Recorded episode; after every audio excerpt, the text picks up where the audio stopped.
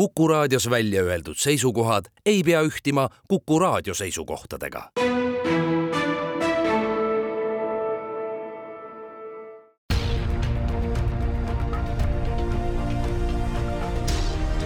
uue samba taga. sammaste taha aitab vaadata sajaaastane eestikeelne rahvusülikool tere, Arvutiteaduse Instituudi terviseinformaatika teadur Sulev Reisberg on tulnud täna mikrofoni ette, et rääkida IT rollist personaalmeditsiinis ja mitte ainult, vaatame ka teemale natukene laiemalt, jutujuht on Madis Ligi. Teil lõppes suvel üks projekt, mis siis kätkes endas ka selle IT-taristu loomist. no meditsiinis on ju alates registreerimisest juba see IT-liin meile väga tuttav, retseptide pikendamine käib ka ludinal mida teie töö siis nüüd kõigele sellele juurde andis? no jaa, selles mõttes on tõesti õigus, et, et ega IT tungib meil igasse eluvaldkonda ja mitte ainult meditsiini ja juba praegu äh, me ei saagi arsti juures eriti käia vist ilma, et peaks äh, mingisuguse IT-süsteemiga kokku puutuma aga suvel lõppes see projekt, mis oli mõeldud eelkõige siis personaalmeditsiini juurutamiseks nii-öelda igapäevases meditsiinis, mis tähendab tegelikult seda, et, et me tahaksime senisest enam tuua geeniandmeid tervishoiusüsteemi niimoodi, et arst saaks neid igapäevases töös kasutada. enne kui see projekt algas, oli selge, et meil on vaja selleks mingisugust täiendavat IT-taristut luua ja, ja peamine argument on siis see, et meil üleüldse geeniandmeid ju meditsiinisüsteemis ei liigu või noh, neid liigub, aga ütleme, see on väga niisugused ad hoc lahendused, et haigla, haiglasiseselt võib-olla tehakse teatud geeniteste, aga, aga need andmed ka sinna jäävad, aga kuidas neid võtta nii-öelda keskselt kasutusele, see oli seni äh, lahenduseta ja see projekt oligi siis selle eesmärgiga, et luua selline riigi tasemel IT-taristu, et niisuguseid personaalmeditsiini teenuseid oleks võimalik äh, laias skaalas pakkuda kas see tähendab ka seda, et peale meedikute saaksid ka näiteks geenidoonorid äh, vaadata, mis seal üleval seisab? Mitte päris äh, või noh, ütleme, jagame kaheks, et üks, üks asi on see, et mida, kes vaatab geeniandmeid, kes vaatab patsiendi äh, väga isiklikke nii-öelda geeniandmeid, aga teine asi on see, et mis nende geeniandmete pealt siis on nii-öelda tuletatud. E, et, et äh, see geeniandmete omapära on see, et need on äärmiselt tundlik informatsioon ja, ja miks see on tundlik, on see, et me ju täna väga palju ei tea veel, mis seal kõik, miks seal kõik nagu peidus on. Ja seetõttu nii-öelda eetikud eh, leidsid, et see lähenemine peaks olema nii, et ikkagi geeniandmed püsivad eh, lukustatud puuris ja neid otseselt täpselt neid nii-öelda DNA tasemel ei, ei saa otseselt keegi vaadata, küll aga, et siis me laseme nii-öelda, ütleme neid siis meditsiiniseadmed või geneetilised algoritmid neile ligi ja nende, nemad siis tuvastavad mingisuguse meditsiinilist väärtust omava killu, näiteks näiteks oletame, et inimesel on kõrgendatud risk rinnavähi tekkeks, just pärilik risk, mis tulenevalt geeniandmetest. ja vot, vot see on nüüd see info, et, et mis siis võiks jõuda tõesti, et kas nüüd ütleme kindla spetsialisti või geneetiku lauale või arsti lauale või ka selle patsiendi lauale. aga jällegi siin oli, oli kõvasti nii-öelda eetikutel vaidlemist, et, et noh, et kas seda infot peaks üldse patsiendile kohe näitama, et see on ikkagi ka ju, me ei tea, kuidas see mõjub kui seda keegi teada saab. ja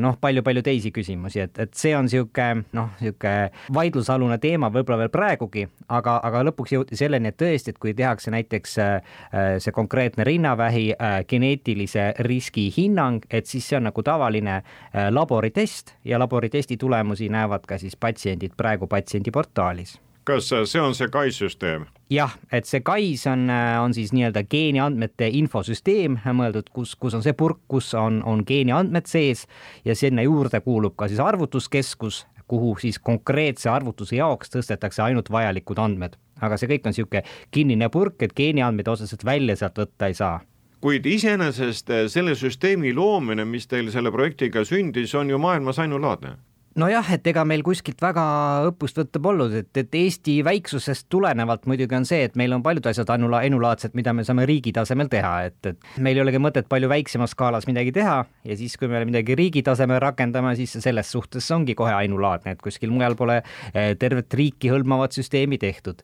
aga, aga noh, teisest küljest eh, tõesti, et me ei ole ka tehtud sellist äh, mingisugust laiaks kasutuseks mõeldud nii-öelda taristut kuskil mujal, et meil ei olnud väga palju kuskilt õppida õppida. et noh, et üleüldse see valdkond, et äh, geeniandmete äh, interpreteerimine, nende nii-öelda tagasiside andmine siis nendele inimestele, kelle andmed need on, et see on üleüldse niisugune alles teaduslik uurimisteema, et, et kuidas nad selle vastu võtavad ja ja mis ohud siin on ja, ja kuidas seda peaks tegema. noh, nüüd, nüüd nende aastatega see asi on nii-öelda võib-olla ka edasi arenenud, aga tol hetkel, kui me seda projekti tegema hakkasime, kindlasti see oli unikaalne ja, ja see oligi tegelikult siis teadus-arendusprojekt, mis tähendab tähendab, et see ei ole nii-öelda äh, valmis eeskirjade või lähteülesande järgi koostatud äh, lahendus, vaid meil tuli selle töö käigus palju asju läbi katsetada, mis töötab, kuidas töötab. ja noh, loomulikult põrkusime ka igasuguste takistuste vastu ja mitu asja tuligi ümber teha lõpuks. ega selles projektis ei osalenud mitte üksnes arvutiinimesed, vaid siin on vaja ka kõike juriidiliselt paika panna, lühidalt see on mitme osapoolega ettevõtmine ja, ja võib-olla see on asi, mida me alguses nagu alahindasime, et, et me lihtsalt teatasime, alguses oli lähtepunkt see, et meil on väga raske midagi riiklikult teha, kui meil ei ole vajalikku IT-taristut. ja konkreetselt see projekt oligi loodud, mõeldud eelkõige IT-taristu loomiseks. Ja tol hetkel oli plaan, et noh, kõrval on ka toetavad projektid, mitmesugused siin igasuguse õigusruumi korrastamise projektid ja ja, ja nii edasi ja nii edasi ja teatud kliinilised uuringud käisid veel tol hetkel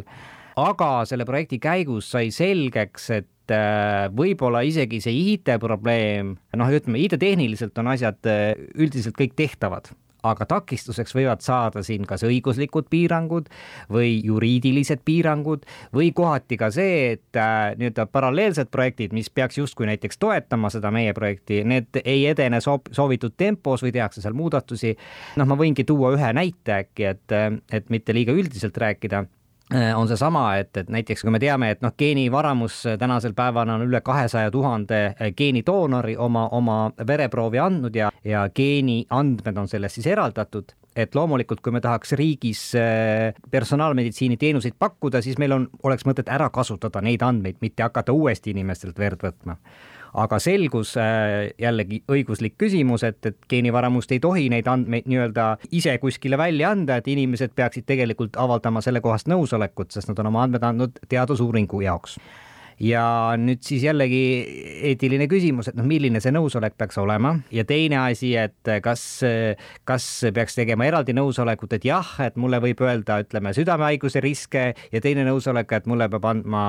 mulle peab, tohib öelda mingit, ütleme siis rinnavähiga seotud riske või, või kus siin see nagu piir tõmmata, et kuidas seda optimaalselt teha. Ja tol hetkel oli mõte, et me saame kuidagi ära kasutada hoopis kõrvalprojektis siis Riigi Infosüsteemide Ameti poolt arendatud niisugust nõusolekuteenust aga noh, nagu ikka tihtipeale juhtub, et kõik seesama projekt siis noh, päris sellisel kujul lõpuks selgus, et ikkagi ei sobi meile ja me pidime ikkagi siis praeguse patsiendiportaali äh, peale selle asja ehitama, et jällegi meil tuli kõike nagu, nagu ümber teha. Kohati noh, niisugune aega kulus nagu niisuguse koha peale, kus alguses ei arvanudki, et aega läheb aga igal juhul tuleb äh, siis äh, arvestada nii nendega, kes on nõus, kui ka nendega, kes siis keelduvad, kuid kunagi on näiteks andmed andnud. Äh, lühidalt, see on väga selline mitmeharaline tegevus. see on jah see on mitmearaline ja see oli ka just, et ka Sotsiaalministeeriumi seisukoht, et ega me loomulikult ei tee riigis teenuseid ainult siis geenidoonoritele, vaid me teeme ikkagi taristut, mis on kõikidele kasutamiseks ja alati leidub inimesi, kes ei soovi teadusuuringutes osaleda, aga soovivad ise saada tervishoiuteenuseid. on vastupidi inimesi, kes soovivad tervishoiuteenuseid, võib-olla ei soovi tervishoiuteenuseid saada, aga soovivad osaleda teadusuuringutes. Ja siis on neid, kes võib-olla mõlemad soovivad, et tõesti, et see on niisugune keeruline teema. Ja mis on veel huvitav, huvitav üks, üks asi, mis võib-olla projekti käigus jällegi ilmnes, on see, et ega geeniandmeid, noh, kui, kui me kujutame ette ühe inimese genoomi, äh, ühe inimese genoom on, kui me prindiks ta paberi peale välja ja paneks paberid hunnikusse, siis me saaks niisuguse viiekümne meetrise hunniku, ühe inimese genoom, eks ole, ja me tahame selle pealt midagi inimesele öelda nüüd selgub see asi, et tegelikult me ei suuda sellest verest seda täisgenoomi ühtlase kvaliteediga tuvastada, et mõned paberilehed on täiesti hägusad ikkagi teatud tehnilistel põhjustel ja, ja see kvaliteet nii-öelda eri piirkondades siis genoomis on, on, on, on ka erinev. Ja nüüd ongi see, et teadusuuringuteks see üldiselt ei ole probleem, geenivaramu kui ka teaduse tegemiseks eelkõige mõeldud, eks ole. aga nüüd, kui me tahame hakata inimesele ütlema mingi tervisega seotud või otsuseid tegema selle pealt, siis selgub, et see kvaliteet muutub ikkagi väga oluliseks ja me ei tohiks kõiki kehva kvaliteediga andmeid võib-olla, võib-olla nagu äh, kasutada selleks. Ehk siis tuleb natuke see vahe just sisse, et teadusuuringute jaoks on üks andmestik sobiv, aga kui me läheme nüüd meditsiini, siis see kvaliteet hakkab mängima rolli ja, ja me võib-olla ei taha kõiki andmeid kasutada. ehk siis meil natukene on, ongi see, see Kaisi mõte on ka, et see Kais on niisugune kvaliteetsete andmete purk kus on nii-öelda üle, noh, ütleme kõrgemad, kõrgemaid kontrolle läbinud andmed.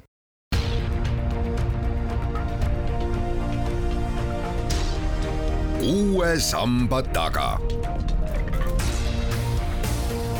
Sammaste taha aitab vaadata sajaaastane eestikeelne rahvusülikool Sõlla Reisberg, iseenesest aga need andmed, nende töötlemine ja analüüsimine, olgu siis patsiendi poolt võetuna või arstid, teadlased, on ikkagi selleks, et olla targem mingite haiguste suhtes, kuid haiguse deleteerida, teie olete ikkagi arvutiteadlane. Kas praeguseks, kui te nüüd suvel selle projekti lõpetasite, olete teie oma töö teinud, nüüd on nad järgmised lülid vaja võtta ja need asjad ajada või on teil veel arvutiinimestena seal midagi teha? ühest küljest jah, et selle projektis on nagu meie töö justkui tehtud äh,, aga fakt on see, et tänasel päeval selle taristu peal veel teenuseid ei ole Äh, ja selleks on valdavalt äh, nagu muud põhjused, kas on siis õiguslikud küsimused või rahastusküsimused, sest äh, selge on see, et iga uut taristut peab ju keegi ka üleval hoidma selleks peab olema raha, selleks peab olema inimesi ja kompetentsi. et ühest küljest lõpuks on vaja sinna peale ka teatud need nii-öelda algoritmid või seadmed siis nii-öelda äh, paigaldada ja, ja nii palju ongi, et see õigusruum nõuab, et need algoritmid oleksid meditsiiniseadmed, mis tähendab, et neil on kindel tootja, on keegi vastutaja, aga see vastutaja ilmselt soovib ka raha saada selle eest. et, et noh, siin ja selleks tuleb riigis kuigi raha kõigepealt leida. ja no ühest küljest ma tahaks öelda, et, et meie töö on nagu tehtud, aga, aga see ei ole päris selles mõttes tõsi, et, et, et nagu ma ütlesin, et see taristumisvalmis on niisugune teadus-arendusprojekti tulemusena valminud taristu, mida tegelikult tuleb edasi arendada, et ega maailm seisma ei jää ja, ja täpselt neid äh, igasuguseid uusi seadmeid ja ka geeniandmete standardid ja kvaliteet kõik ju muutub, et nüüd tegelikult oleks vaja seda edasi arendada. ma nüüd ei ole kindel, et seda teeb Tartu Ülikool, aga noh, keegi peaks ilmselt sellega tegelema edasi, et asi ja kindlasti nii, kui tulevad need esimesed teenused, mis lähevad ka noh, loodetavasti varsti, varsti nii-öelda käiku, siis läbi selle me ju õpime, et äkki peaks midagi muutma, tegema natuke teistmoodi,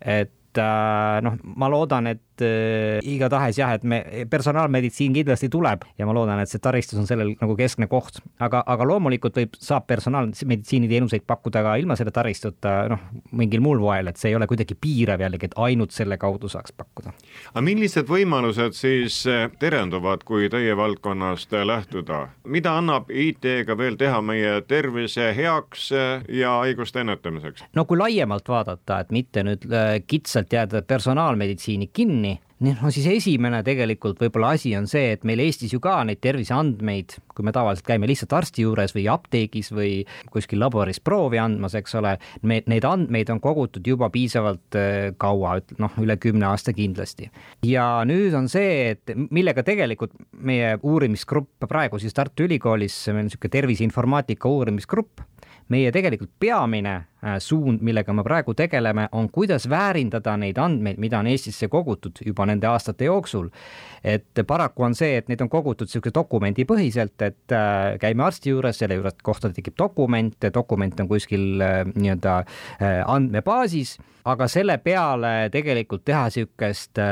noh, selle peale on raske, ühest küljest on raske teha teadust selle andmestiku peal, sest need andmed on väga varieeruva kvaliteediga aga teisest küljest ka raske on ju ehitada ükskõik milliseid nii-öelda ka teenu-, uusi teenuseid, andmepõhiseid teenuseid. Ja, ja see asi, millega me tegeleme väga paljuski, ongi ühest küljest noh, siis vastavate eetikakomitee lubadega, vastavate uuringute raames me oleme küsinud erinevaid andmeid siis kas tervise infosüsteemist, Tervisekassa nendest raviarvete andmekogust, retseptikeskusest ja noh, mingeid väikseid alamosi sealt ja siis äh, väärindanud neid andmeid niimoodi, et võtnud sealt äh, andmed äh, sisuliselt kvaliteetsel kujul välja äh,, transleerinud need väga ilusate tabelite kujule ja teinud osalenud nende andmetega juba erinevates nii-öelda uuringutes ehk siis tegelikult meil Eestis napib natuke niisugust tõendust, et mujal maailmas on küll noh, igasuguseid ravijuhendeid ju töötatakse välja, aga kuidas need asjad nagu Eestis töötavad või Eesti patsientide peal, kas Eestis on ka nii, kas me saaksime neid juhendeid nii-öelda rakendada, et niisugust tõendust meil väga napib. ja, ja kohati see napibki seetõttu, et meil ei ole neid terviseuuringuid, meil ei ole ka väga palju kapatsiteeti aga neid andmeid ei ole piisavalt võib-olla väärindatud ja see on üks see asi, millega me nüüd viimased, ütleme, kümme aastat siin oleme tegelenud, et just vähemasti meil oleks mingi automatiseeritud töövoog nende Eesti andmete puhastamiseks ja seal peal ka uuringute nii-öelda teostamiseks. aga see on tõesti praegu väljaspool nii-öelda tavapärane meditsiinisüsteemi, et me ikkagi lihtsalt küsime andmed mingi uuringu jaoks, mingid konkreetsed andmed, puhastame need ära ja siis,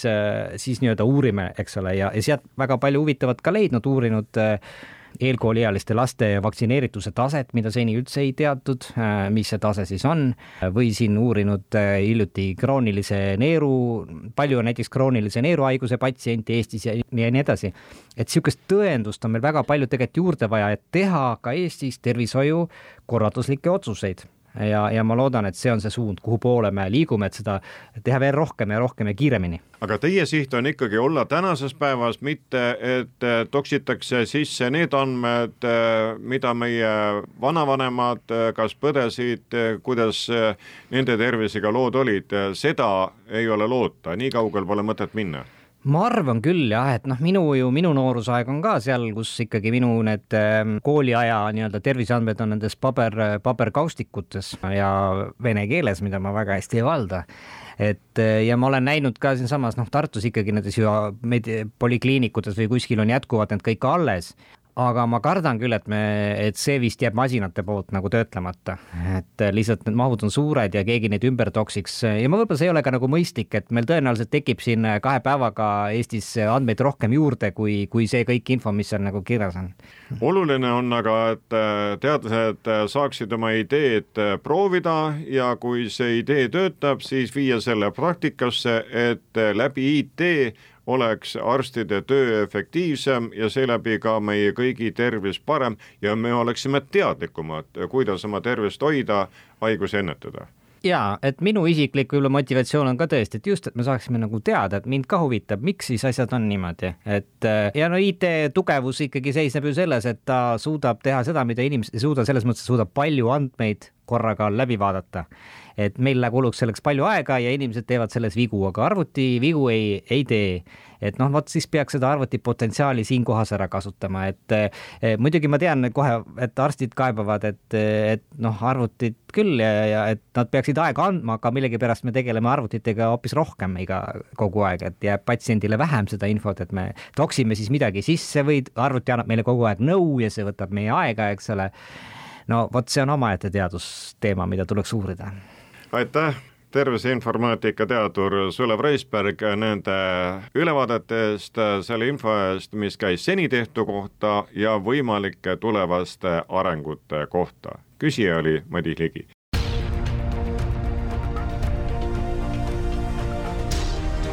uue samba taga sammaste taha aitab vaadata sajaaastane eestikeelne rahvusülikool